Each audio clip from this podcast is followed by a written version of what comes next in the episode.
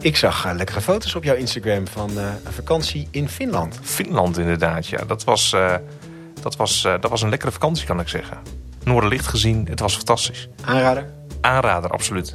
Ik was nooit in Scandinavië geweest en dit was een hele lekkere kennismaking. Maar daar ben jij niet met, met de trein heen gegaan of met de fiets? Ik heb gevlogen. Ja, en voelde je daar geen vliegschaamte bij? Zeker wel. Vandaar ook de schroom waarmee ik dat vliegen net uitsprak. Ja, ik, ik, ik ervaar er wel wat vliegschaamte bij. Ja. Omdat ik weet, we leven in de tijd waar het klimaat een groot vraagstuk is. En dat het is niet vrijblijvend wat we doen. Uh, en vliegen is dan toch wel een onderdeel van die klimaatvervuiling, zou ik zeggen. Dus dat, het, voelt niet helemaal goed. Hoe is dat voor jou? Ja, hetzelfde wel. Ik, ik vind sommige dingen zijn heel makkelijk om, om te maatregelen. Want vlees heb je prima vervangers en kan je gewoon prima minder. Ja. Uh, ik ben hier van de spullen, dus dat scheelt ook. Dus ik hoef niet telkens de nieuwste telefoon Dat vind ik al lastig. Oké, okay, precies. je hebt een mooi klokje om, zie ik. Ja, precies, ja. Maar ik vind vliegen echt lastig. Want ik vind en de experience van vliegen is gewoon fantastisch. Weet je wel, alleen al Schiphol word ik gewoon heel enthousiast van. En je komt op zulke leuke plekken. Ja. Ik ben op mooie plekken op de wereld geweest. En mijn ideaalbeeld is toch eigenlijk nog wel dat ik dat ook nog veel meer nieuwe plekken kan gaan zien. Ik heb een Precies. lange lijst van waar ik En dat nog met kinderen kunt gaan doen en noem maar op. Ja. Ja. Als ik nadenk over klimaat, dan ik voel wel aan en ik weet wel dat dit niet zo door kan gaan zoals we nu leven. Maar ik ben ook wel bang, wat gaat het ons kosten? Gaat er niet heel veel levensvreugde straks verloren? En, ehm. Dat dat niet meer kan, bedoel je? precies, dat het vliegen straks Nou, niet meer maar kan. ik zag wel laatst... Dat is dan nu eigenlijk al niet meer. Ja, maar dat, iets waar ik hoop- uit put... is dat ik laatst wat zag dat ze in Delft nu bezig zijn met een elektrisch vliegtuig. Dat is vier- interessant. Ja, er was dan eh, gepresenteerd een vliegtuig waar 44 personen in zou kunnen. Het zou nog een tijdje duren. Maar dan wordt het natuurlijk plotseling heel gaaf. Dan zouden wij deze podcast prima op de Bahamas kunnen opnemen. Omdat je dus klimaatneutraal naar de Bahamas kan vliegen. Precies, dat lijkt me ideaal.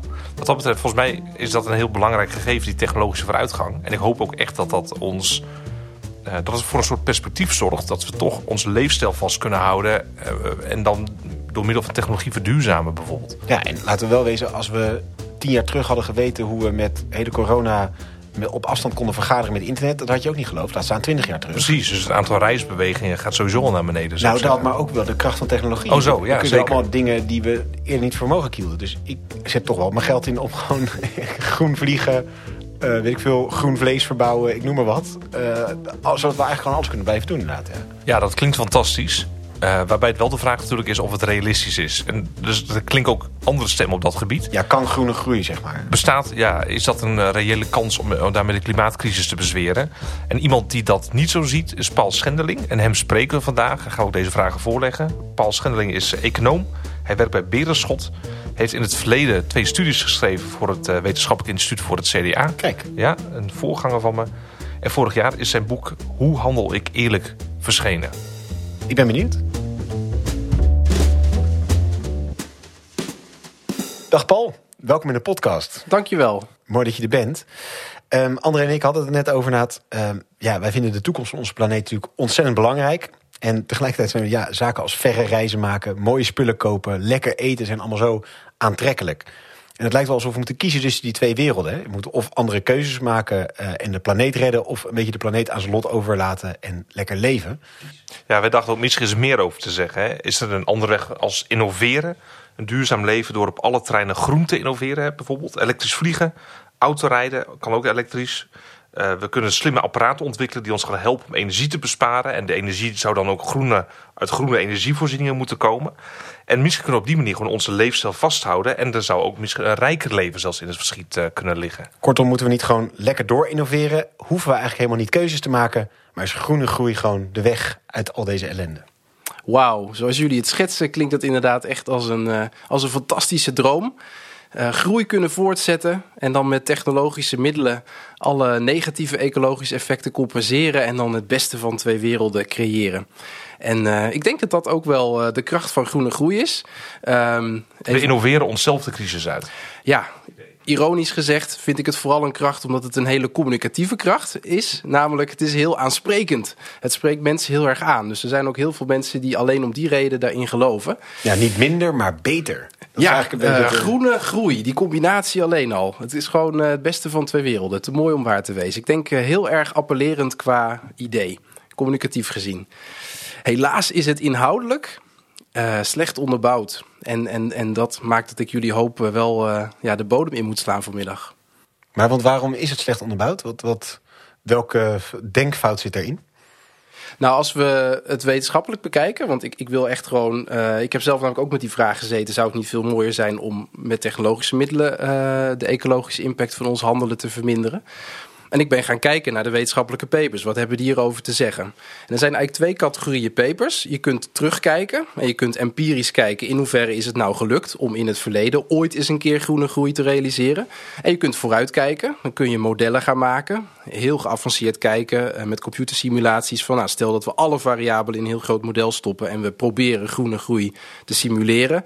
Lukt dat dan ooit? Komt er dan ooit eens een keer groene groei uit zo'n model uh, gerold? Nou, als je dan naar die twee soorten wetenschappelijke aanpakken kijkt, dan blijkt eigenlijk dat uit beide aanpakken uh, blijkt dat groene groei niet kan. Um, om het allebei kort toe te lichten, als je terugkijkt, gewoon stel je neemt de periode vanaf het Kyoto-protocol tot nu. Nou, Kyoto uh, medio jaren 90.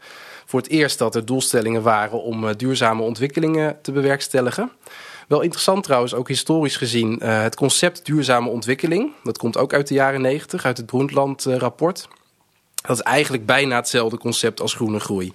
Als je terugkijkt, dat die doelstellingen waren ongeveer hetzelfde. Dus het woord groen is dan duurzaam en het woord groei is dan ontwikkeling. Ja, groene groei, duurzame ontwikkeling. Het is een beetje dezelfde ambitie geweest. En wat is dan duurzaam in die categorie, in, in, in die definitie? Dat is dan CO2 neutraler? Of, of ja. ja. En toen het gaat eigenlijk altijd over CO2 dan in zo'n definitie? Of gaat nou, dat Brundtland-rapport is echt wel breder. Dus daar wordt ook wel gekeken. Er zit nog een beetje de echo van het rapport van de Club van Rome ook in. Er wordt ook gekeken naar grondstoffen. Uh, maar natuurlijk ook naar andere vormen van vervuiling. En uiteraard werd men toen zich voor het eerst bewust van het broeikaseffect. Dat was ook in de jaren negentig. En klimaat heette toen nog milieu vaak, toch? Ja, toen heette het milieubeleid. En dan werd het echt inderdaad breed getrokken. En dan het CO2-probleem was dan een van de problemen. En op zich, ook wel goed om even die historische noot te maken. 30 jaar geleden uh, hadden we dat broeikaseffect, uh, toen leerden we dat net wetenschappelijk kennen. En hadden we heel veel van de wat we nu klimaatcrisis noemen, echt kunnen voorkomen. En helaas hebben we in de afgelopen 30 jaar als mensheid uh, meer CO2 uitgestoten dan de hele mensheid daarvoor. Dus wat je eigenlijk ziet, dat is trouwens ook meteen eventjes nou, een van de eerste argumenten tegen groene groei. Ja, dus je, het moment dat het kwartje viel, heeft nou niet echt zeg maar, iets bewerkstelligd. Nee, het omgekeerde. Dus in de afgelopen 30 jaar meer CO2-uitstoot dan de hele mensheid daarvoor heeft gepresteerd. Ondanks dat vanaf de jaren 90 echt consequent milieubeleid is gevoerd in in ieder geval westerse landen. Ja, precies. Maar je zou dan ook er tegen in kunnen brengen van is die groei dan wel echt groen geweest? Of niet groen genoeg? Dus dat het probleem niet de groei was, maar dat het gewoon niet duurzaam genoeg was. Ja, dat het een beetje bruine groei was. Ja, zeg maar. precies. Ja. grijze groei. Ja, je moet dus echt heel goed, dat ben ik wel met je eens, je moet heel goed de inspanning relateren aan het resultaat. En dan kom ik ook best wel tot een genuanceerde uitkomst van die wetenschappelijke studies die proberen terug te kijken. Als je gaat terugkijken, en ik vat het een beetje samen op een genuanceerde manier, dan is eigenlijk de uitkomst van die wetenschappelijke studies dat het relatief ontkoppelen van CO2-uitstoot en groei kan. En ik zal zo meteen zeggen wat relatief ontkoppelen is. Maar het absoluut ontkoppelen van CO2-uitstoot en groei. Maar je kunt voor CO2-uitstoot overigens ook een hele reeks andere milieuindicatoren invullen. Dat kan niet. Dus om nog even terug te komen wat wel kan. Nou, wat dus kan, is dat uh, stel de groei die, uh, van de economie is ongeveer 2, 3 procent per jaar. Dan is het mogelijk om de groei van de milieudruk lager te maken en te dempen ten opzichte van de economische groei. Ja, die okay. groeit niet ja. navenant mee, zeg maar. Precies, die groeit minder hard mee. Dat is relatieve ontkoppeling, wordt dat genoemd. Daar is enig bewijs voor te vinden. Um, en de mate van relatieve ontkoppeling die verschilt heel erg per milieuindicator die je pakt. En noem er eens een paar van die, wat je CO2 noemde je? Als milieuindicator? Ja, het is heel mooi om ook hier inderdaad de nuance even te pakken. Dus uh, bijvoorbeeld bij CO2 is eigenlijk van alle indicatoren nog het beste gelukt om relatief te ontkoppelen. Uh, en waar het het slechtste is gelukt is bij materialen. Dus het, het verhaal van de Club van Rome dat we zuiniger moeten omspringen met hulpbronnen. Dat is eigenlijk het minst goed gelukt. En waar het ook niet, niet zo goed gelukt is, is energieverbruik. Dat is eigenlijk ook nauwelijks ontkoppeld, zelfs niet relatief ontkoppeld. Uh, en voor watergebruik zit er dan een beetje tussenin. Ja, en dat is dus telkens het over dat de economie groeit uit wat je zegt met week van 2, 3 procent. Dan groeit het naar CO2, dan week van met 1,5 procent of met 1 procent. Bijvoorbeeld. Dus, dus dat groeit minder hard mee. En materialen groeit net zo hard mee, misschien nog zelfs wel harder dan de economische groei. Of die gaat ja. dus wel gewoon gelijk mee. Dat is die relatieve groei. En daar is dus wel enig effect in te maken, maar ja, klein. En als ik het in andere woorden zou samenvatten, zou je ook kunnen zeggen Uh, relatieve ontkoppeling dat betekent eigenlijk dat je progressie kunt boeken op milieuindicatoren, enige progressie. Maar dat zolang de economie blijft groeien, een deel van die progressie telkens ongedaan gemaakt wordt. En daar, daar is dan wel weer CO2 een hele mooie illustratie van. Of ja, mooi, het, helaas, het effect is nogal wrang. Um, nou ja, vanaf de jaren 90 probeert ook de Nederlandse overheid bijvoorbeeld de CO2-uitstoot terug te dringen. Wat uh, een belangrijke side note is, is ook de manier waarop je dat meet. Uh, de Rijksoverheid drukt dat heel vaak uit in termen van de CO2 die binnen de Nederlandse grenzen is uitgestoten. Ik ben heel kritisch op die definitie. Want uh, heel veel productie is geoutsourced. En dat ja. betekent dat als we gewoon gaan kijken van welke uitstoot veroorzaakt Nederlandse consumptie. Ja, Precies, in fabrieken elders. Ja, dan ja. wordt natuurlijk een heel groot deel van die uitstoot in het buitenland gerealiseerd. Ja, fijn dat hij van ons lijstje af mag, maar dan staat hij gewoon vervolgens stand te peden op een ander lijstje. Precies. Ja, onze en... kleren komen uit Bangladesh, om maar wat te noemen. Bijvoorbeeld. Ja. En wij zijn een diensteneconomie. Nou, dat is natuurlijk een heel erg uh, een, een, een, sector die heel weinig CO2 uitstoot. Dus als je dan binnen de grenzen gaat meten, dan valt alles mee, zou je bijna zeggen. Dus ik vind zelf dat je ook al naar die maatstaf heel kritisch moet kijken. Dus laat ik dan het antwoord geven op die vraag met de maatstaf die ik wel echt serieus uh, vind. En dat is de maatstaf hoeveel CO2 is nou uitgestoten in binnen- en buitenland voor onze consumptie. Nou, en als je dan gaat kijken, dan zie je echt een verband met de conjunctuur. Dus je zag bijvoorbeeld uh, medio 2015, zag je dus een deel van de CO2-winst die was gerealiseerd, ongedaan gemaakt worden, omdat de economie sterk aantrok. En dat heeft overigens zelfs effect gehad op de meetmethode die de Rijksoverheid hanteert, namelijk de CO2-uitstoot binnen Nederland. Want zoals jullie weten, is de, ja, die Urgenda-rechtszaak, van de, de rechtszaak tegen de overheid om de eigen doelstelling van CO2-reductie te realiseren, die is gewonnen door Urgenda, omdat uh, de Rijksoverheid er niet in slaagde om die eigen doelstelling te halen. En de reden dat dat niet lukte, was de, uh, het aantrekken van de economie tussen 2015 en 2020. En daardoor steeg ook die binnenlandse CO2-uitstoot? Ja. Dus eigenlijk ook de brakke indicator gaf alsnog ook al aan dat het niet goed ging. Ja, ja, dus eigenlijk...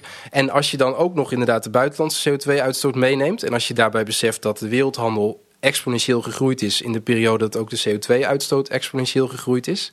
En dat uh, van elke euro productie in de wereldeconomie uh, 44 cent, dus bijna de helft via wereldhandel tot stand komt, ja, dan realiseer je ook dat als we hier in Nederland op die milieuindicatoren gaan focussen, dat we dan de doelstelling uh, niet gaan halen. En je had het net over die relatieve ontkoppeling. Uh, is daarmee de volgende stap dat je zegt van ja, een, een definitieve ontkoppeling is niet te maken. Dus er zal, met economische groei komt ook altijd belasting van het milieu. Ja, je kunt die, die curve kun je niet naar beneden bewe bewe krijgen. Bewegen. Inderdaad. Je noemt nu iets ongelooflijk belangrijks. Je noemt die curve moet naar beneden. Want laten we nu inderdaad proberen. Stel, we gaan een, een blik naar de toekomst uh, werpen. Wat volgens het IPCC uh, nodig is, is dat wij voor 2030 en het liefst veel eerder, dus bij wijze van spreken het liefst vandaag, uh, de CO2-uitstoot in een steile curve naar beneden brengen. En dan dus in absolute zin naar, nou, uh, in nul brengen in nou, bijvoorbeeld 2040 of 2050. En dan moet je dus realiseren dat die opgave voor de toekomst in heel veel opzichten moeilijker is dan die opgave uit het verleden. In het verleden hebben we dus, nou ja, een klein beetje relatief de CO2-uitstoot teruggekoppeld. Uh, in absolute termen relatief weinig. Dus als je het binnenlands meet met ongeveer een kwart. Als je ook nog meeneemt dat we in het buitenland CO2-uitstoot veroorzaken, waarschijnlijk minder, misschien maar 10%. En dan moeten we in de toekomst de uitstoot in een steil pad naar beneden brengen. Terwijl in het verleden is gebleken dat we daar nauwelijks in slagen met alle beleidsmiddelen die we inzetten. Maar, want dat, dus straks even naar die toekomst naar verder van hoe zou dat eruit zien. Als je naar het verleden kijkt, vind je wel, zijn die inspanningen goed geweest? Hè? Wel een beetje, is het grijze groei of bruine groei of weet ik wat groei geweest? Het is geval groei geweest. Maar hebben we ook wel ons best gedaan? Zou je zeggen, nou, er is ook wel echt veel gedaan. Of zou het ook nog kunnen zijn dat je zegt, we hebben er gewoon onvoldoende aan getrokken. Hadden we iets beter ons best gedaan, had het gewoon prima wel gekund. Had die relatieve ontkoppeling veel sterker kunnen zijn.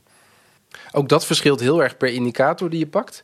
Ik denk dat als je CO2 neemt, omdat het gerelateerd is aan het klimaatprobleem en dat wel het grootste vraagstuk is, denk ik dat die inspanningen uh, er zeker zijn geweest, maar dat het zeker ook een tandje hoger kan. Als voorbeeld van wat er wel gelukt is, we hebben natuurlijk gewoon wel een EU emissiehandelssysteem ingevoerd, waarvan economen ook zeggen dat het de meest efficiënte manier is om de uitstoot terug te dringen. Uh, we hebben zelfs nu, gewoon as we speak, een uh, CO2-prijs van, uh, uit mijn hoofd gezegd, 70 euro per ton. En dat wordt ook door experts wel gezien als een prijs die, nou, best een aardige prijs is om ook echt serieuze impact te gaan maken op de CO2-uitstoot. Uh, je zou wel kunnen zeggen, het is langzaam op gang gekomen. Dus de echte serieuze uh, effort zit in de laatste jaren. Maar goed, helaas, die laatste jaren trok ook de economie aan. En zie je dus helaas nog steeds dat omgekeerde effect. Dus dat die groei Ja. een deel van de winst ongedaan maakt. Ja, helder. Hey, en dan naar die toekomst naartoe. Eh, je zegt, nou, dat- je zou ideaal naar dus een, echt een ontkoppeling gaan inderdaad. Dus Een absolute ontkoppeling, precies. Nou ja, en het is natuurlijk veel moeilijker om iets over de toekomst te zeggen, omdat jullie eigenlijk ook wel terecht aangeven van hebben we genoeg inspanningen verricht en gaan we in de toekomst niet onze inspanningen enorm opvoeren en zou dat dan niet uiteindelijk ook moeten kunnen zorgen voor een absolute ontkoppeling? Dus om daar iets zinnigs over te zeggen, moet je een heel goed model maken. Waarin je zo goed mogelijk simuleert wat een mogelijke ja, technologische vooruitgang is die we kunnen gaan boeken. In combinatie met hoe de economie zich zal gaan ontwikkelen. En dat dan in één groot model stoppen. Eh, dat wordt dan een eh, economy environment model genoemd. En dan simuleren, kan dat? Kan dat samengaan? En eh, hoeveel ongedaan maken van je winst kun je dan leien in je model? ja, om het zo uit te drukken. Nou, daar zijn mooie modellen voor gemaakt. Ik heb zelf gekeken naar modellen die ook in de topwetenschappelijke tijdschriften zijn gepubliceerd. En er zijn grote twijfels of het mogelijk is om de doelen van Parijs te halen in combinatie met groei. En eh, daar mag echt wel een streep onder het woord grote twijfels. Ehm, en wat een van de problemen is bij de huidige manier van modelleren van zelfs het IPCC, die toch echt wel als zeer gezaghebbend eh, bekend staan, is de mate waarin technologische groei verondersteld wordt. Dus de IPCC-modellen die gaan uit, en ik citeer, van unprecedented technological growth. Dus er zit al in het model waarin we de uitstoot eh, zodanig beperken dat we onder de 2 graden blijven, zit al de veronderstelling dat echt de krankzinnig slimme dingen gaan bedenken. echt ja. krankzinnig gaat toenemen, inderdaad. En dat dan in combinatie met groei, want dat zit dus ook in de IPCC-modellen, is eigenlijk ook een groene groeimodel met heel veel technologische groei verondersteld in dat model. En dan, nou, weten ze bij het IPCC daar een eh, grafiekje uit te produceren waarbij je dan net onder de 2 graden opwarming blijft. Maar er zijn welk dus, jaartal hebben we het dan? ja, nou, Eh, dan dat- hebben we het, eh, ja, dan moet dus de uitstoot in dat steile pad naar beneden waar ik net over had. Dan Ja? moet vanaf 2030 de, de uitstoot echt heel snel dalen. En dan moet het echt medio 2040, 2050 de uitstoot eh ja, dus als je dan onder die 2 eh, twee graden blijft, dan heb je het eigenlijk over het perspectief van 2050. Als vanaf Ja. 2030 die ontwikkelingen goed gaan, dan, eh, dan zou het kunnen zijn dat we in 2050 net onder die 2 graden opwarming blijven in dat model. Volgens het IPCC is dat inderdaad het geval. En nou, is, nou wil dus het geval dat er andere wetenschappers ook dit soort modellen hebben eh, gebouwd. Die wellicht niet zo'n toch wel heel gevaarlijke assumptie hebben gedaan van unprecedented technological growth. En daar komt uit dat het niet kan. En dan heb ik nu ook weer één indicator genoemd. Namelijk dat het onwaarschijnlijk is dat we in combinatie met groei de doelen van Parijs gaan halen. Maar dan heb ik het nog niet gehad over al die andere doelen. En daar zou ik er toch in ieder geval eentje van willen noemen. En dat is materiaalgebruik. Ehm, er is een reëel scenario dat nou, politici niet te overtuigen zijn dat groene groei niet werkt, dat ze daar volop blijven inzetten. En in dat scenario is er een kans dat we en de doelen van Parijs niet halen, en zo ongelooflijk extra, zoveel ongelooflijk veel extra materiaal gaan verbruiken, dat we daarmee weer een nieuw wereldprobleem creëren. Ja, dus dan gaan we het ene gat met het andere gat dichten, terwijl we dat ene gat nog niet eens gedicht hebben. Dus het Ja. CO2-probleem lossen we niet op, maar we creëren wel weer een ander probleem erbij. In de hoop dat we dat eerste probleem zouden oplossen. En om te schetsen hoe serieus dat is, eh, het Internationaal eh, Energieagentschap. Die maken modellen van eh, nou, de grondstoffenuitputting als gevolg van de energietransitie.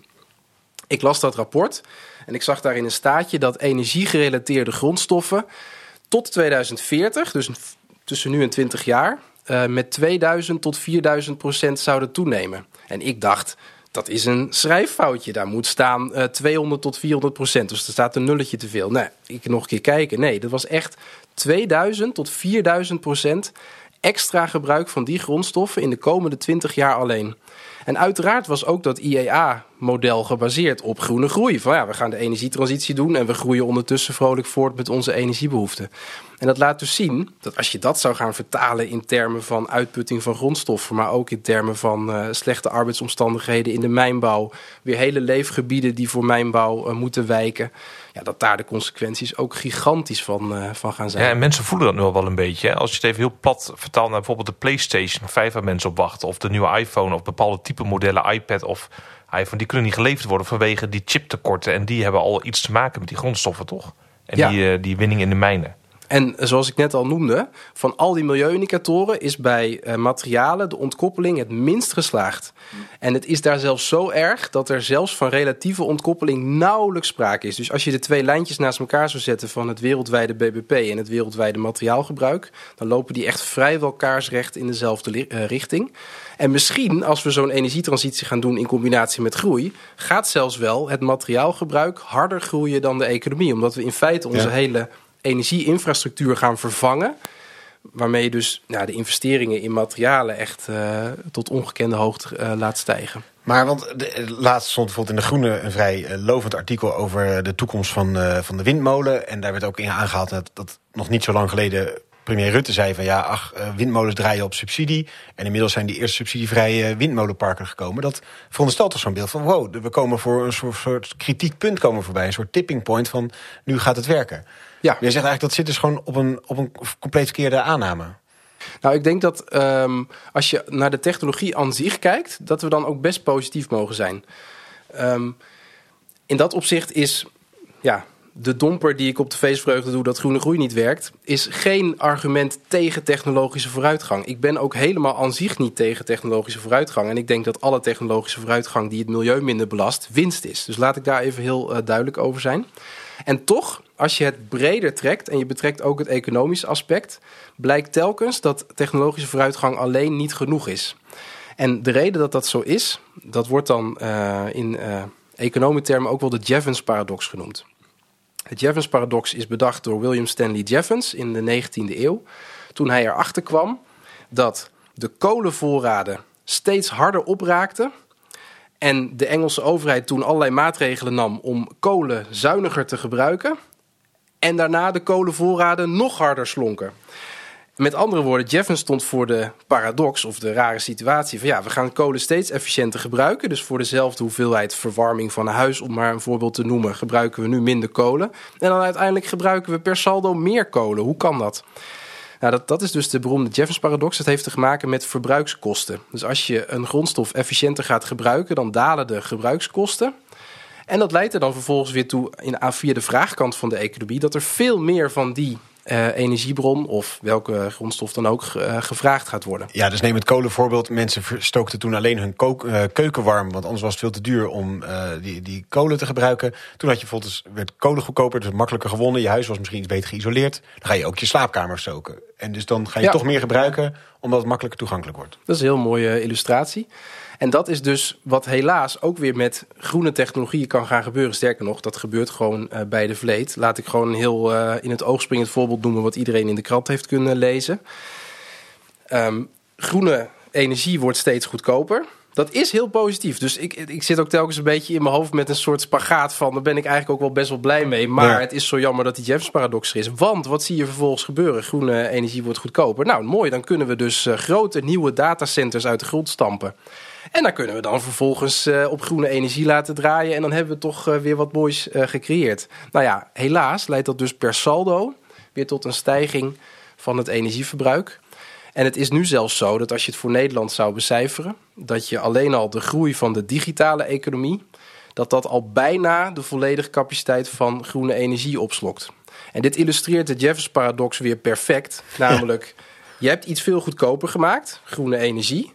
Maar er komt een nieuwe economische vraag. Nou, in dit geval, we willen allemaal YouTuben en Netflixen en we willen allemaal Facebook, en bitcoins minen. Ja, ja, ja. Bitcoins minen. En dan willen we dan willen we het liefst ook nog groen doen.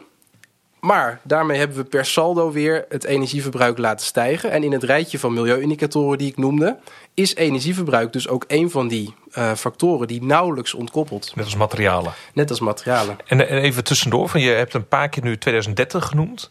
Wat, wat is met die datum? Die komt ook in rapporten voor. Ook even voor de, voor de luisteraar. Wat, wat, wat is dat met 2030? Het is een hele belangrijke datum. Omdat um, heel veel van de gevolgen van klimaatverandering uh, worden het ergst als, het, uh, als de opwarming met anderhalf graad of met twee graden of meer uh, toeneemt. En volgens het IPCC kunnen we dat alleen voorkomen als wij voor 2030 de emissies in een stijlpad naar beneden brengen. Dus een ongelooflijk belangrijke datum. En dat betekent dus ook dat als onze politiek leiders een keuze gaan maken, blijven we inzetten op groene groei of niet, dat ze daarmee dus eigenlijk een ja, ik denk het meest gevaarlijke beleidsexperiment in de geschiedenis van de mensheid gaan doen. Ze gaan namelijk iets onbewezens proberen. Als we met groene groei zouden gaan proberen de emissies naar beneden te brengen. Het is onbewezen. Uh, auteurs in tijdschriften zoals Nature betwijfelen of het wel kan. En als het niet lukt, dan zijn de gevolgen echt catastrofaal. Dus om uh, een feit te noemen waar ik zelf echt bijna dagelijks mee zit en uh, aan denk dat als we die opwarming niet onder de 2 graden weten te houden, dan zou het wel eens kunnen dat 3 miljard mensen in landen rond de evenaar ontheemd raken. Dus dan gaat het over 3 miljard mensen die huis en haard kwijtraken. Omdat hun levensomstandigheden kwijt? Oh, Omdat ja. de leefomstandigheden ja. on, ondraaglijk worden. Omdat, het, omdat die gebieden zo warm, zo droog of zo overstroomd raken... dat je daar niet meer kunt wonen. Er zijn nu al stukken in Mexico en India... waar het dus zomers zo warm is dat je gewoon letterlijk doodgaat als je daar onbeschermd buiten gaat lopen. En nou, dat, dat geldt dus nu al voor bepaalde uh, steden in die gebieden. En de vlekken op de kaart die zullen dus enorm uitbreiden als we, dat, ja, als we de opwarming niet binnen, die, uh, binnen de perken weten te houden. En, en die vlekken waar je nu over hebt, is, de, is daar nog wat te repareren? Of zeg je van daar moeten we al ons verlies nemen? Het gaat nu over het behoud van de rest? Het gaat nu over het behoud van de rest. Okay. En het is zelfs zo erg dat ook als we de opwarming onder de 2 graden halen, dan is nog steeds het leefgebied van waarschijnlijk anderhalf miljard mensen nu al verloren. Dus we hebben het over een um, noodsituatie. En als we dan die gok van groene groei nemen en die gok blijkt te mislukken, dan verdubbelen we de noodsituatie. Het gaat echt over ja, apocalyptische beelden die we dan uh, gaan zien. En uh, wat, wat, je vertelt is buitengewoon alarmerend. En dat het alarmerend is, wordt zo nu, nu en dan geroepen. Maar het wordt inderdaad altijd, misschien, ik vraag me af waarom, maar is dat misschien dat, dat het altijd positiever geframed wordt om het niet zo eng te laten zijn, om het een beetje positief neer te zetten, om er een soort uitweg uit te bieden, omdat we geen zin hebben. Waarom wordt die boodschap altijd nog zo relatief rooskleurig gebracht? Je hoort dan van, we hebben nog 100 jaar. We hebben die 10 jaar is een farce. We hebben nog wel 100 jaar om de boel op orde te zetten. Of uh, we gaan gewoon lekker door. Als we maar gewoon snel genoeg doorgaan, dan, dan komen we er wel. Het is een beetje, hou de moed erin jongens. We zijn op de goede weg. Waarom is dat vertoog zo sterk? Nou, ik, ik, denk dat het te maken heeft ook weer met communicatie. En dat um, dit soort feiten communiceren zo precair wordt ervaren door degene die die boodschap moeten brengen. Dat uh, de mensen die de media uh, redigeren daarvoor terugdeinzen. Het is letterlijk zo, ik, ik citeerde net uit een studie uit een zeer gezaghebbend wetenschappelijk tijdschrift PNAS. Dat ging over die anderhalf miljard mensen tot drie miljard mensen die ontheemd uh, dreigen te raken. En die studie is dus ook geweigerd door PNAS, omdat ze dat gewoon zo schokkend vonden dat ze dat niet voor een rekening durfden te nemen. Terwijl er wetenschappelijk gezien echt niks aan te merken was op die studie. En dat is dus al het wetenschappelijke tijdschrift. Laat staan de kranten, de media, de NOS. Ja, die berichten daarover heb ik niet gelezen. Omdat het nee. waarschijnlijk door redacties wordt gezien als... nou, dit is zo schokkend, daar eh, gaan we maar niet over schrijven... want dan raken mensen de moed misschien kwijt. Terwijl je ook andersom zou kunnen redeneren. Zonder uh, het collectieve gevoel, ons collectieve huis staat in brand, gaan mensen al helemaal niks doen. Dus ik vind het heel onverantwoord om het daar niet over te hebben. Ja. En, en uh, jij bent vast zelf ook in gesprek met mensen daarover. Wat, wat zijn de tegenwerpingen die jij op jouw verhaal krijgt? Die wij bijvoorbeeld niet kunnen doen, omdat we bijvoorbeeld niet genoeg in de materie zitten. Maar die bijvoorbeeld van economen of van, van, van mensen die in ieder geval betrekking hebben op dit onderwerp. Uh, is daar een trend of is daar een soort gemene deler in te zien? De tegenwerpingen die jij krijgt? Ja, ik, ik, er zijn wel twee soorten tegenwerpingen die ik vaak krijg. Dus ik, uh, vorig jaar schreef ik een groot essay in Trouw samen met een bevriende lector. En toen schreef meteen daarachteraan uh, een Vlaamse filosoof, Maarten Boudry, een groot stuk in Trouw. Um, begin dit jaar gaf ik een interview in Trouw. En toen had toevallig ook in die week Maarten Boudry een groot stuk in het AD. En zijn argumenten gaan telkens over het uh, onvoorziene effect van technologische vooruitgang. Nou, dat unprecedented. Dat unprecedented, daar gelooft hij in. Um, waarbij ik best geneigd ben om te zeggen: het klopt uiteraard dat er technologische veranderingen zich zullen voordoen die we nu nog niet kunnen voorzien. Maar welke mate van unprecedented growth wil je veronderstellen? En hoe ver wil je daarin gaan? En dan vind ik, dan moet je naar de wetenschappelijke studies kijken en naar de aannames die zij doen. En nou, dan is in ieder geval die, uh, de paper wat ik uit Nature citeerde er niet van overtuigd dat ondanks dat zij ook zien dat er ja, technologische veranderingen kunnen zijn die je nog niet kan voorzien, niet overtuigd dat uh, groene groei kan. Plus, wat je zegt, ook al zouden die er zijn, zelfs dan is het nog onduidelijk of het dan slaagt. Dus het is ook niet dat je zegt, nou ja, als er dan iets heel bijzonders gebeurt, dan komt het ook allemaal helemaal goed. Dan blijft het alsnog vrij fragiel van halen we het. Dus ja, maar natuurlijk nog wel extra. Je, je verwacht een soort goddelijke interventie van geniale technologie. Deus ex machina. Ja, alleen als hij er komt, weet je nog steeds niet of je dan gered bent. Of dat het toch nog ellende blijft. Ja, en mijn kritiek is ook dat Maarten Boudry als techniekfilosoof uh, het economische inzicht van die Jevons-paradox uh, niet verdisconteerd in zijn denken. En dat vind ik gewoon een, een, groot manco aan de hele redenering. Want zelfs al zou er inderdaad unprecedented technological eh, change zijn, dan zie je gewoon in het verleden dat door daling van verbruikskosten het verbruik weer heel sterk gaat stijgen. Ja, en gaat toch weer het aanbod de vraag creëren om maar weer iets nieuws daarmee te bedenken. Dus dat is één tegenwerping. En een andere tegenwerping die ik meestal van economen krijg, die is: we hebben groei nodig ja. om investeringen te kunnen doen in nieuwe technologieën die ons daarna gaan redden. En dat vind ik altijd eh, bijna een grappige uh, redenering. Grappig omdat ik hem gewoon echt niet kan begrijpen. Dat is namelijk dat er in die redenering lijkt te zitten: laten we eerst de mate van vervuiling nog wat erger maken. Laten we nog de economie wat verder laten groeien. Want dan kunnen we daarna de middelen vrijspelen om een deel van die vervuiling weer ongedaan te maken. Met andere woorden, het is toch een beetje een soort van dweilen met de kraan open wat zij voorstellen. Laten we nou vooral vol blijven groeien. Dan, dan spelen we de middelen vrij om uh, die verandering te bewerkstelligen. Terwijl als je gewoon even heel simpel, bijna nuchter als een kind ernaar gaat kijken, um, dan is het natuurlijk veel slimmer om nu te zeggen, uh, door nu een halt toe te roepen aan groei en nu al te beginnen met het naar beneden brengen van de emissies in absolute zin, um, begin je al op het goede pad. In plaats van dat je eerst een omweg neemt en het eerst erger maakt en dan op een goed pad. Ja, maar als je het bijvoorbeeld bedrijfseconomisch bekijkt, is natuurlijk die zegt, nou, we moeten nu wel een extra lening aangaan. Dan kunnen we die nieuwe fabriek neerzetten. Dan kunnen we meer productie draaien. Gaan we uiteindelijk meer verdienen, waardoor we die lening makkelijk terug kunnen betalen. Dat is natuurlijk die denk bij je gedachte van, ja, we zullen wat extra slagje moeten pakken. Maar als er na dat motortje draait, nou, dan gaan we zo met een geniaal pad naar 2030 toe. Ja. Dus ik, ik kan maar op zich die gedachte wel... Heel basis economisch inzicht. Ja, De, de, kost gaat voor de baat uit, zeg maar. Zo'n soort redenering lijkt er een beetje in te zitten.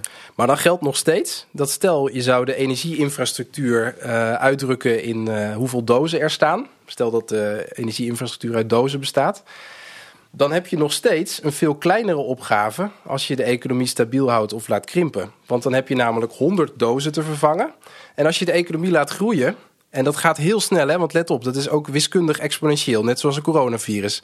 De 3% groei op 3% groei op 3% groei, dat gaat op een gegeven moment exponentieel. Dus stel je hebt over 10 jaar 150 dozen. Dan moet je in één keer 150 dozen vervangen. Dus je hebt je hele investeringsopgave heb je ook laten ontploffen uh, in, in omvang.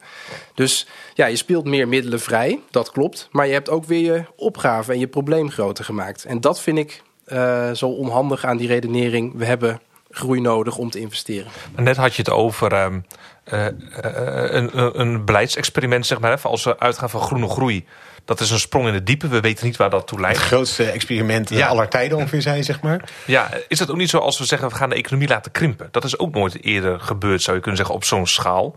Uh, is dat ook niet een heel gevaarlijk experiment? Kunnen we overzien wat er met, met ons welvaart, met onze leefstijl, met onze economie gebeurt als we inderdaad die gaan laten krimpen? Dat is inderdaad ook zeker een spannende opgave waar heel veel bij komt kijken. Dus daar zou ik zo meteen ook echt nog wel meer over uh, willen zeggen als dat kan. Misschien nog één laatste aspect van het debat noemen over die toekomst. Omdat ik daar zelf ook wel gevoelig voor ben en eerlijk wil zijn waar ik zelf nog over twijfel. Um, wat volgens mij zou kunnen is, uh, ik had het net over 100 dozen, dat is dan onze energieinfrastructuur. De werkelijkheid is veel complexer.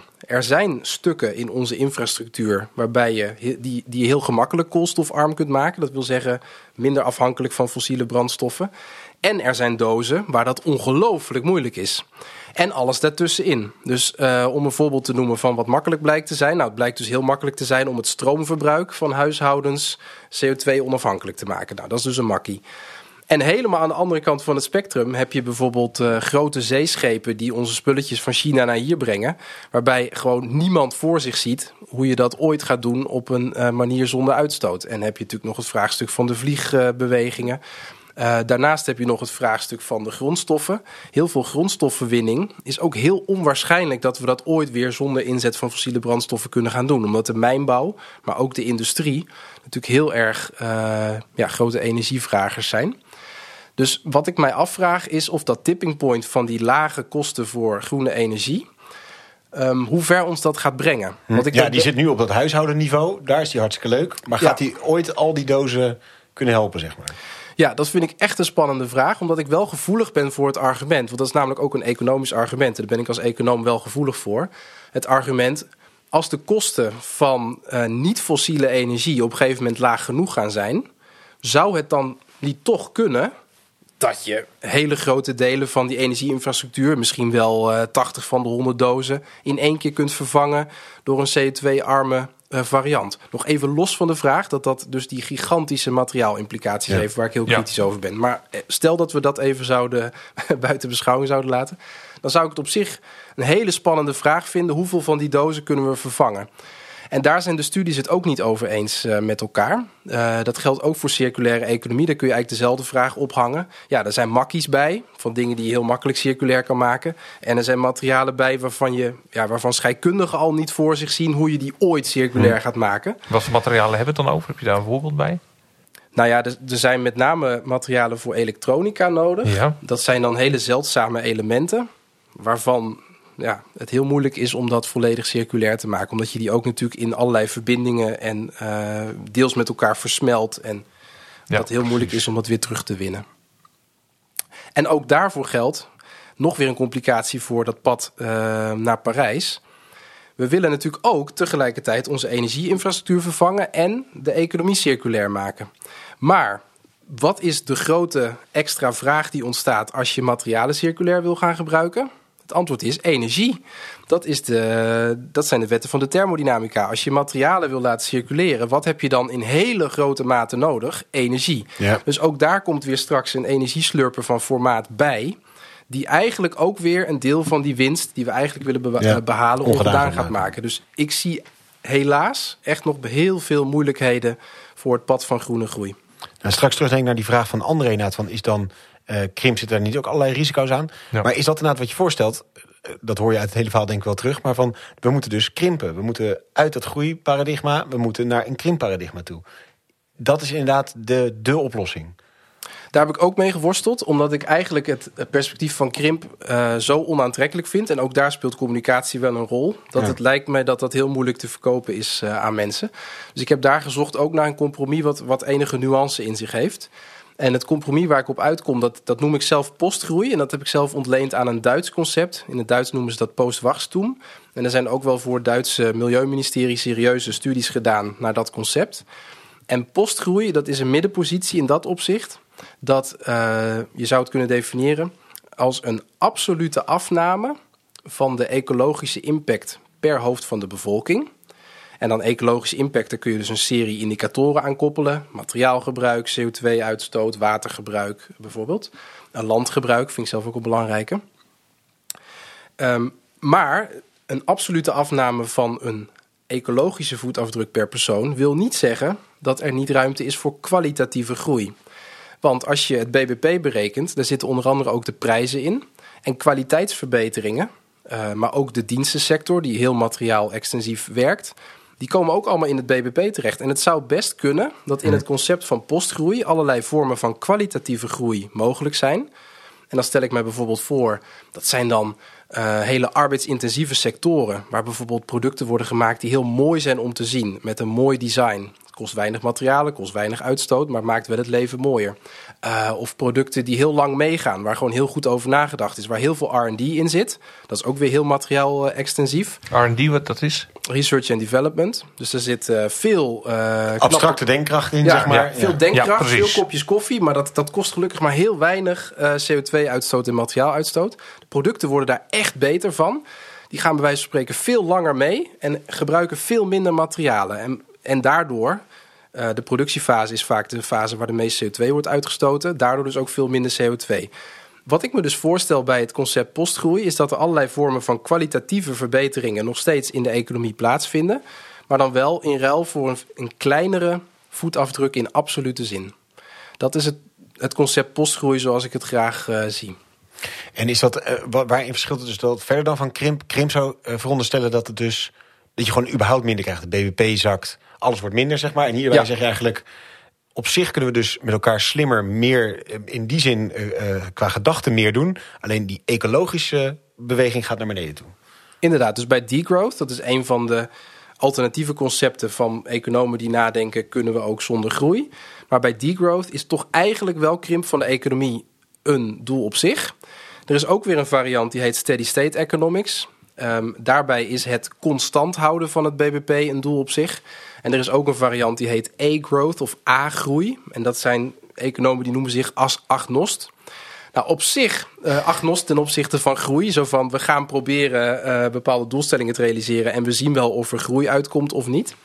En ik denk dat postgroei in de buurt komt bij uh, A-groei in dat opzicht dat de focus van postgroei heel erg ligt op die absolute reductie van materiaalgebruik, landgebruik, CO2-gebruik en andere indicatoren. Daar richt je je hele inspanning op.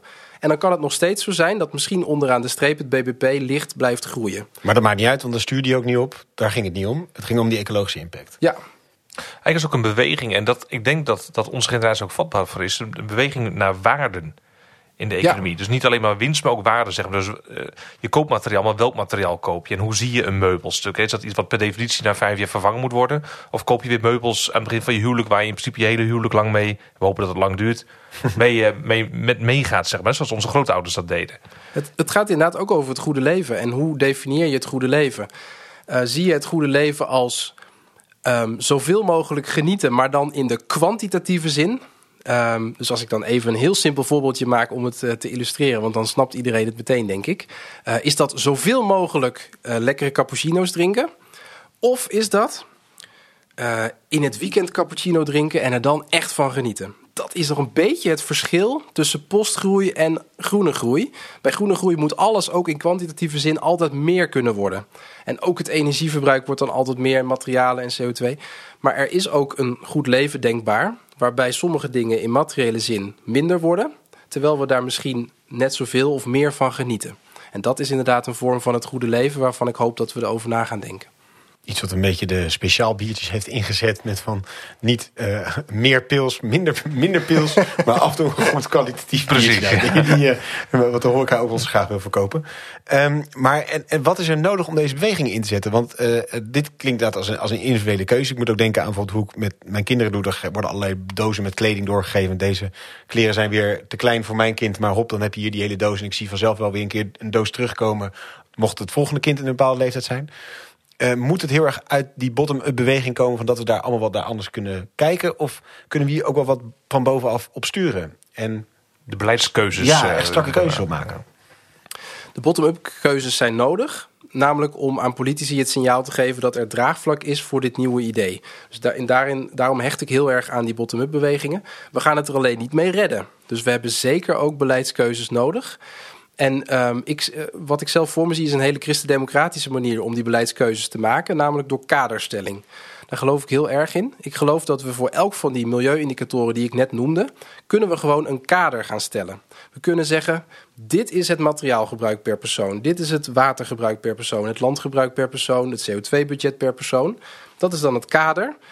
En daarbinnen laat je zowel de bedrijven als de huishoudens als de maatschappelijke partners vrij om binnen die kaders hun eigen leven in te richten en ook hun eigen keuzes te maken. En ik denk dat dat gewoon een hele praktische manier is om wel je doelen te halen. En er ook echt zeker van te zijn dat je die doelen haalt. Want zoals ik al zei, het is gewoon veel te risicovol om die doelen niet te halen. Daarmee ja, ja, riskeren we gewoon het leven van eh, miljoenen mensen en andere levende wezens. Dus je haalt die doelen zeker weten, maar je, je, je schept daarbinnen ook ruimte om uh, ja, voor verschil. Dat mensen het op verschillende manieren Ja, want je, je doen. weet zeker dat je doelen haalt. Want je zou eh, materiaal en CO2, weet ik wat, gewoon gedeeld door, wat, met hoeveel zijn we? 17,5 miljoen eh, Nederlanders, 8 miljoen. En dan weet je gewoon, dat is zoveel per persoon per jaar, punt. Ja, en dat kun je dan op twee manieren implementeren, of eigenlijk op drie. Je kunt een persoonlijk budget maken van elk van die indicatoren. Je kunt eh, het vertalen naar een bedrijfsbudget. Dus dan ga je in feite zeggen: wat zijn alle leveranciers van alle Nederlandse huishoudens? En dan leg je het budget daar neer. Dat is een beetje wat we nu doen met het CO2-emissiehandelsysteem. En wat je ook kan doen, is een model maken en een belasting uitrekenen. Die precies zo hoog is dat je per saldo ook op dat budget uitkomt op eh, landelijk niveau. Die laatste is makkelijker implementeren. Die eerste is Hoe, moeilijker. hoe bedoel je die belasting? Want dan is het gewoon dat je op een gegeven moment ga je heel veel betalen, waardoor het duidelijk wordt dat je dat niet gaat doen. Hoe Ja, je dat? dus je stelt de belasting op een zodanig niveau. Dus om, om het voorbeeld van het huidige emissiehandelssysteem te nemen, dat is nu ongeveer 70 euro per ton CO2. Dat zou eh, nu al 100 moeten zijn. Dat zou echt hard moeten stijgen naar ongeveer 350 eh, euro per ton. Maar dan weet je dat bij die prijs van 350 euro per ton, dat de CO2-uitstoot zo hard gaat dalen dat je je doelen gaat halen. Ja. Dus dan komt het in feite, is het een equivalent van een quotum, omdat het gewoon op hetzelfde neerkomt. Zo'n belasting is heel makkelijk eh, in te voeren. Die kun je bovendien progressief maken. Dus zodat je dus de grotere verbruikers zwaarder belast. Wat in, nu eh, in Nederland helaas bij heel veel eh, milieubelastingen niet het geval is. Dan word je eigenlijk veel zwaarder belast als je er weinig van gebruikt. Je kunt er ook een persoonlijk budget van maken of een budget voor bedrijven. Eh, de CO2-quota van het huidige emissiehandelssysteem is in feite een variant eh, daarvan. En wat ik wel belangrijk vind om te melden, volgens economen zijn quota of belastingen op materialen en CO2 ook de meest efficiënte manier om milieudoelen te halen. Dus het is niet. En dan ga ik toch maar even een veeg uit de pan uitdelen naar het nieuwe kabinet. Helaas, het is veel efficiënter om een quotum of een belasting af te spreken dan om te subsidiëren. Dus wij gaan nu in Nederland vervuilers tot 2030 weer voor 36 miljard subsidiëren. En dat had veel efficiënter gekund. Echt gewoon met bijna nou, echt een fractie van die uitgaven als je daar een belasting of een quotum van had gemaakt. Maar dan maak je er eigenlijk een soort straf van. Ja, je kunt ook zeggen, je maakt er een speelveld van met duidelijke lijnen eromheen. Je maakt gewoon Ja. een voetbalveld met witte lijnen. Dit zijn de lijnen waarbinnen we dat spel doen. Ja. En, die, en die lijnen zijn voor iedereen hetzelfde. En omdat het voor iedereen hetzelfde is, is het niet een straf voor de een of een eh, bonus voor de ander. Want Ja. waarom moet nu een groot vervuiler eh, straks wel subsidie krijgen? Juist omdat hij zo slecht doet, Omdat krijgt het zo hij slecht veel doet, geld. krijgt hij het- subsidie. En de kleine MKB'ertjes, die ook CO2-neutraal moeten opereren, die krijgen weinig tot niks. Ja, wat is nou een straf en een eh, beloning? Ik vind toch zelf echt zo'n kader gewoon het meest eerlijk voor iedereen. Ja, en dat zou je dus op een bepaalde manier naar rato moeten uitrekenen. Maar dan krijg je dus dat iedereen gewoon een heldere indicatie heeft. Daarheen moet je streven. Wat zouden de eh, beleidsmatige negatieve implicaties kunnen zijn? Nou, Want André zegt, nou, het, het- experiment, groene groei die we nu inzetten is een experiment. Wat zouden hier de, de, de onvoorziene zaken kunnen zijn waar we tegenaan lopen? Stort niet ons hele economische bestel in. In de zin dat mensen niet meer willen investeren omdat er geen economische groei meer uit zou voortkomen. Eh, het bankaire stelsel wat kapot gaat, waardoor we allemaal onze huizen onder water komen, waardoor we daar allemaal in een probleem terechtkomen. Ik noem maar wat. Ik heb daar zelf voldoende economische kennis van, maar jij hopelijk wel. Welke, welke rampscenario's zouden zich ook hieruit kunnen voort, eh, hierdoor voltrekken? Nou, er zijn eh, bepaalde eh, voorzieningen in Nederland. Je zou ook, als je het heel breed trekt, kunnen zeggen bepaalde sociale baten die we nu eh, aanwenden voor. eh, of waar we nu groei voor gebruiken om ze te realiseren. Pensioenstelsel bijvoorbeeld? Eh, pensioenen is daar een voorbeeld van. Er zijn heel veel sociale voorzieningen. Eh, de groei, de uitgaven van de zorgsector, die groeien ook elk jaar. En die financieren we ook weer voor een deel uit groei. En dat er- blijft voorlopig hè, met de vergrijzing en noem maar op. ja, volgens de WER zal dat ook het geval blijven. En er wordt ook heel vaak gesteld dat groei één op één leidt tot meer werkgelegenheid. Over dat laatste verband zijn economen het steeds minder zeker, omdat in de laatste decennia het erop lijkt dat het aandeel van arbeid in de economie steeds kleiner wordt. En dat daarmee het verband tussen eh, economische groei en werkgelegenheid ook zwakker is geworden. Toch is het wel een heel belangrijke eh, randvoorwaarde om aan te denken. Stel je gaat postgroei invoeren, wat gebeurt er dan met de werkgelegenheid? Nou, er zijn verschillende type oplossingen voor die daarvoor genoemd worden. Het CNV kwam begin dit jaar zelf uh, met een soort idee. Dat was niet in relatie van tot postgroei, maar het werkt wel. Dat is arbeidstijdverkorting, waarmee je ervoor zorgt dat de uh, beschikbare banen uh, wel weer zodanig verdeeld worden dat de totale werkgelegenheid uitgedrukt in personen hetzelfde blijft. Terwijl misschien je werkgelegenheid uitgedrukt in uren, totaal aantal uren, uh, wat afneemt. Dus en aan dat soort flankerend beleid moet je denken als je uh, postgroei gaat invoeren. En zo moet je eigenlijk per sector, dus ook inderdaad de pensioensector en de uh, nou, je hebt de, zorgsector natuurlijk. Je hebt ook de sociale zekerheid, onderwijs, veiligheid. Er zijn tal van sectoren waar je dan moet nadenken. Wat betekent postgroei voor die sector? En, en als we dan kijken, dit is op, op beleidsmatig niveau, nou, zo staken we hem in. Hoe, wat vraagt het uiteindelijk van ons als individuen? Of, of welke rol moeten wij hierin spelen? Uh, je zei even het voorbeeld van de cappuccino's.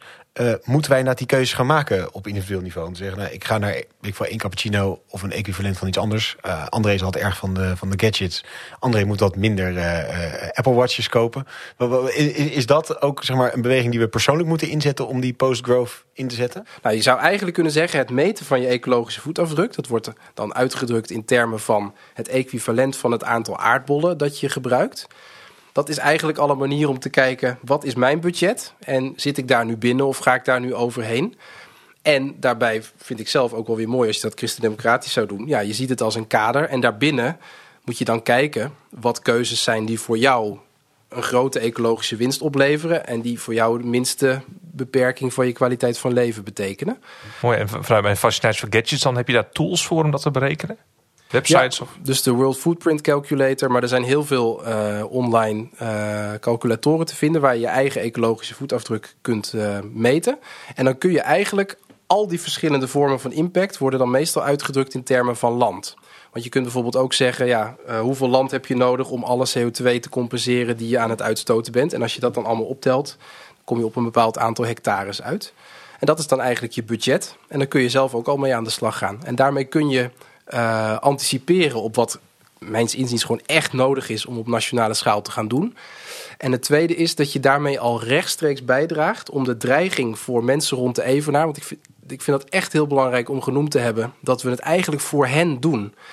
Um, volgens het laatste IPCC-rapport is er een 100% lineair verband tussen opwarming en CO2-uitstoot.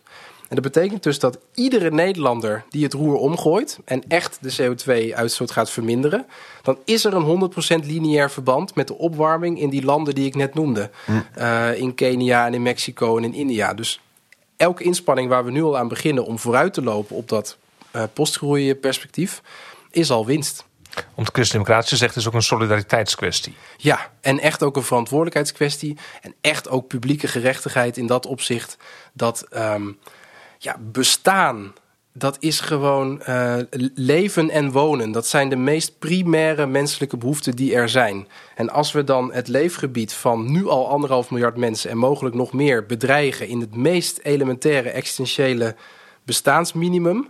Ja, dan, dan staat gewoon de, ja, vind ik, de publieke gerechtigheid wereldwijd op het spel als we daar niks mee doen. Maar en hoe vertalen we dit? Want het, is, we hebben het nationaal gehad, individueel, maar mensen zullen ook zeggen van ja, uh, hoe gaan we China dit uh, verhaal verkopen. Of hoe verkopen we aan uh, de, de, de rijkere middenklasse in Afrika dat zij niet wereldwijd Precies, mogen gaan wij hebben ons feestje en, gevierd. En aan de Apple Watch ja, mogen. Ja, Ja, nou voor de, voor de landen die nu nog in ontwikkeling zijn, is eigenlijk het goede nieuws dat als je voor hen die quota ook zou toepassen, dan hebben zij ruimte binnen hun quotum. En dat vind ik eerlijk gezegd ook wel terecht. Zij hebben nu het meeste te lijden onder de klimaatcrisis, straks in de toekomst ook. En ze hebben er het minst aan bijgedragen.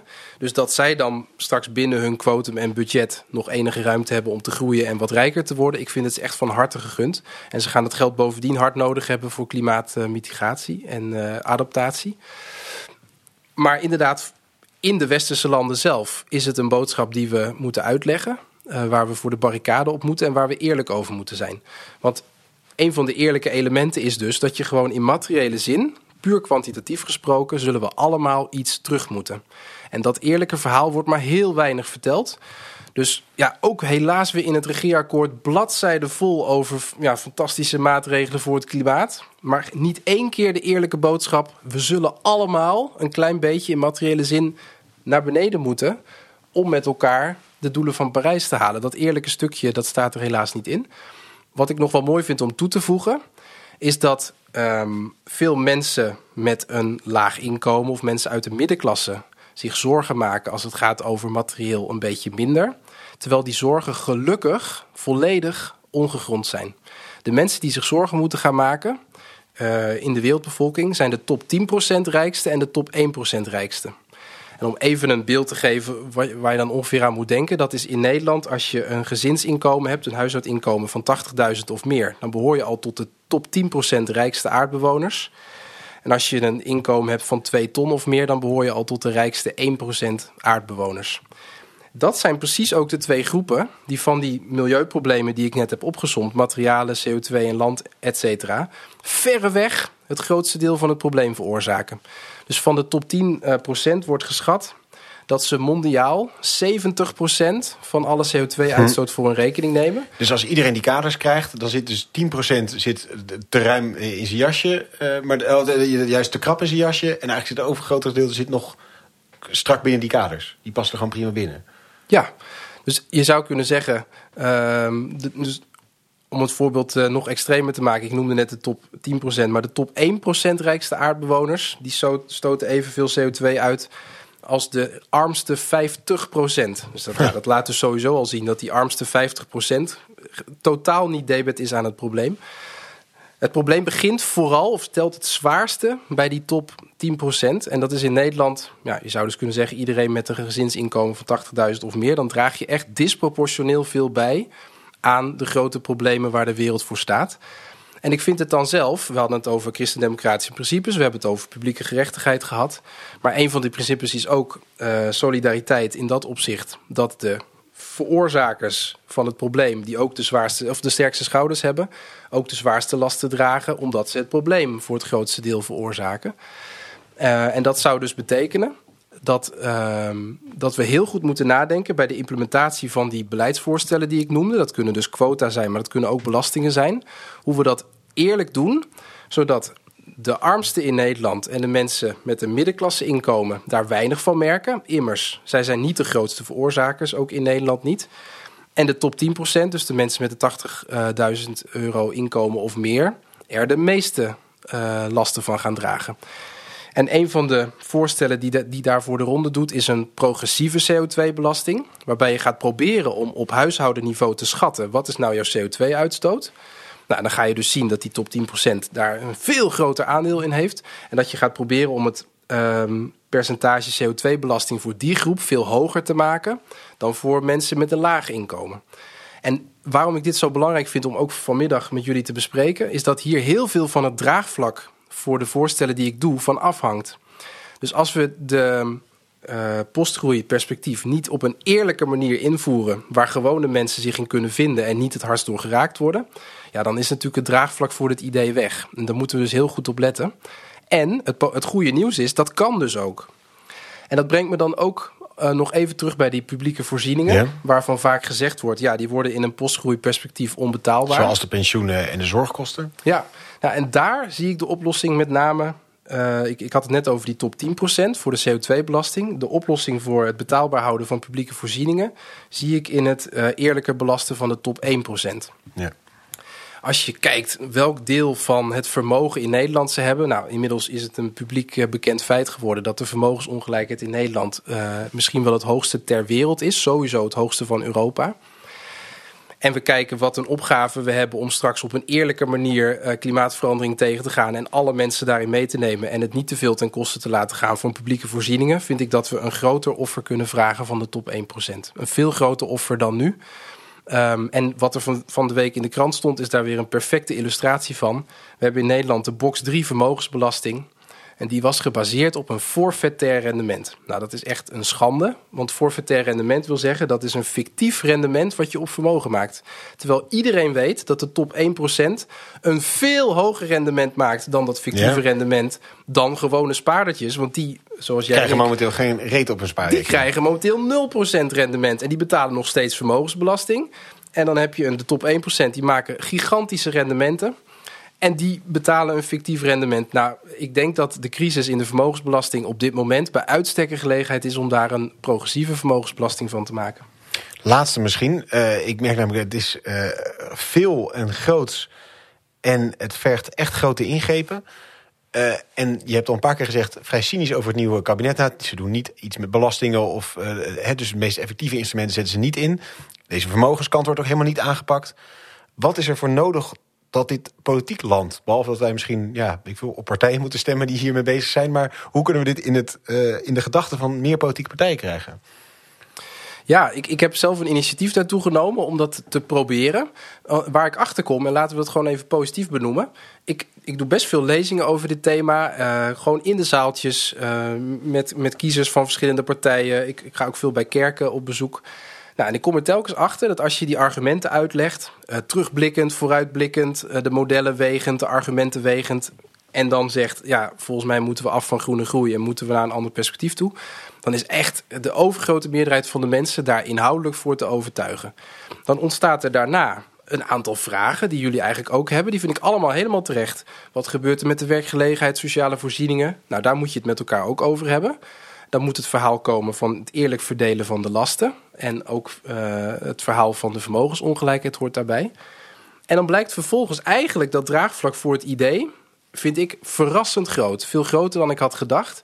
Ik denk dat heel veel mensen al uh, voelen intuïtief dat er met de wereld echt gewoon op het randje van de afgrond staan. En dat er gewoon echt meer nodig is dan een beetje ja, extra geld of een paar technische maatregelen. Ik denk dat mensen in dat opzicht heel reëel zijn qua gevoel van urgentie. En dat vind ik eigenlijk positief. Dus ik denk eigenlijk dat als politiek leiders de moed zouden hebben om het eerlijke verhaal te gaan vertellen. Leiderschap durven te tonen. Ja, echt leiderschap. Dan voorzie ik eigenlijk dat als ze het verhaal goed neerzetten, goede argumenten en ook uitleggen dat we dat eerlijk met elkaar gaan doen, dat daar meer draagvlak voor is dan politici nu denken. Daar ben ik eigenlijk positief over. En ik wil daarnaast politici daar ook graag bij helpen. Ik ben soms kritisch en ik weet dat dat, uh, dat is soms best irritant. Uh, hè, dus er wordt een heel regeerakkoord gebaseerd op groene groei... en dan kom ik met een groot stuk in trouw van uh, het gaat niet werken. Dat is heel irritant. Ik zie het wel als een soort noodzakelijke irritatie... omdat ik echt denk dat die argumenten daarvoor sterk zijn... Maar ik wil ook helpen. Ik wil niet alleen maar kritisch zijn, ik wil ook helpen. Ik ben samen met een groep beleidsmakers van twaalf politieke partijen bezig om een beleidsmanifest te maken met hele concrete voorstellen hoe je postgroei op een verantwoorde manier kunt implementeren. En echt onze denkkracht aan het inzetten om met constructieve goede voorstellen te komen. En dus twaalf partijen, dat is van links tot rechts dus? Ja, het hele spectrum. Het lukt dus eigenlijk, en dat illustreert ook wat ik in de zaaltjes zie gebeuren. Het illustreert dat ik eigenlijk gewoon in alle partijen kan ik wel medestanders vinden. Vrij makkelijk zelfs. We moeten alleen nog met elkaar heel goed nadenken. Hoe gaan we dat dan doen? Wat zijn de beste voorstellen? Wat zijn uh, beleidsmatig de meest haalbare voorstellen? Maar ja, en daar wil ik heel graag uh, partijen ook bij helpen. En ik hoop dus ook dat als we dat manifest af hebben, dat we bij verschillende partijen daarover in gesprek kunnen. En dat ook politiek leiders. Ik wil echt serieus met hen in gesprek en hen juist ook helpen bij die moeilijke opgaven. Mooi. Nou, uh, Paul, bij deze van mooi dat je aan ons, ons dit verhaal hebt gedaan en aan de luisteraar. En hou ons zeker ook op de hoogte van deze ontwikkelingen, want die Doe delen ik. we graag ook uh, met jullie als luisteraars. Ja, net als de, de tools die al even langskwamen. Ja, die zitten ook zeker in, ja. in de show notes zitten. Ja. En desgewenst kan ik de wetenschappelijke papers die ik geciteerd heb ook uh, aan jullie, uh, met jullie delen. Wat ik het echt belangrijk vind om te laten zien. Uh, full disclosure, welke bronnen ik mijn betoog baseer. Gaan we er zeker bij zitten. Ja, de, die zullen we ook delen. Ja. Top. Dankjewel Paul. Graag gedaan. Dankjewel. In 1972 werd ik op het Sinterklaasfeest van mijn middelbare schoolklas verrast met het rapport van de Club van Rome. Zo'n groene aula-pocket die u ongetwijfeld net als ik ongelezen in de kast heeft staan. Niet dat ik me niets aantrok van de alarmerende boodschap van dat rapport. Ik schreef voor de schoolkrant een milieuversie van Hendrik Marsmans bekende gedicht Denkend aan Holland, waarin de zon in industriedampen werd gesmoord. Dat deze wereld eindig was, wist ik als christen. Dat dit einde ons niet overvallen zou als een dief in de nacht, maar door onszelf geregeld werd, was toen een les voor het leven. We zijn inmiddels vijftig jaar verder en via gaten in de ozon en smeltende ijskappen bij de uitputting van onze fossiele energiebronnen aanbeland. Allemaal refreinen op de boodschap van de Club van Rome. De mensheid leeft in het voorlaatste en dat komt doordat wij, de rijke landen, geen grenzen stellen aan de groei. Maar nu gaan we er echt iets aan doen, hoor ik Greta Thunberg en Frans Timmermans zeggen. Het ligt in onze macht. Maar hier beginnen mijn vragen. Is de klimaathobby niet onderhevig aan maakbaarheidsdenken? Is er niet een te sterk optimisme dat de politiek het klimaatprobleem kan oplossen? We werken met modellen en extrapolerende getallen over klimaat en groei, alsof de wereld een laboratoriumopstelling is waaraan we naar behoeven kunnen sleutelen. Ondertussen dein ik wel mee met de klimaatpolitiek, want sinds 1972 weet ik, niets doen is ook geen optie. Maar iets doen voor het milieu is niet per se het goede antwoord. De ene oplossing voor een milieuprobleem roept het andere probleem op. We komen er niet uit. Goede oplossingsvoorstellen en mooie modellen ten spijt kunnen we de toekomst niet naar onze hand zetten. Die blijft iets houden van een Sinterklaasavond. Wat je krijgt is ieder jaar weer een verrassing. Aldus professor Dr. George Haring. Dank voor het luisteren naar Bram de podcast. Je kunt ons volgen op Twitter en Instagram en abonneer je vooral in je podcast-app op deze podcast. Volgende keer gaan we in gesprek met Kamerlid Henry Bontebal over groene industriepolitiek. Zeker een aanrader. Graag tot dan.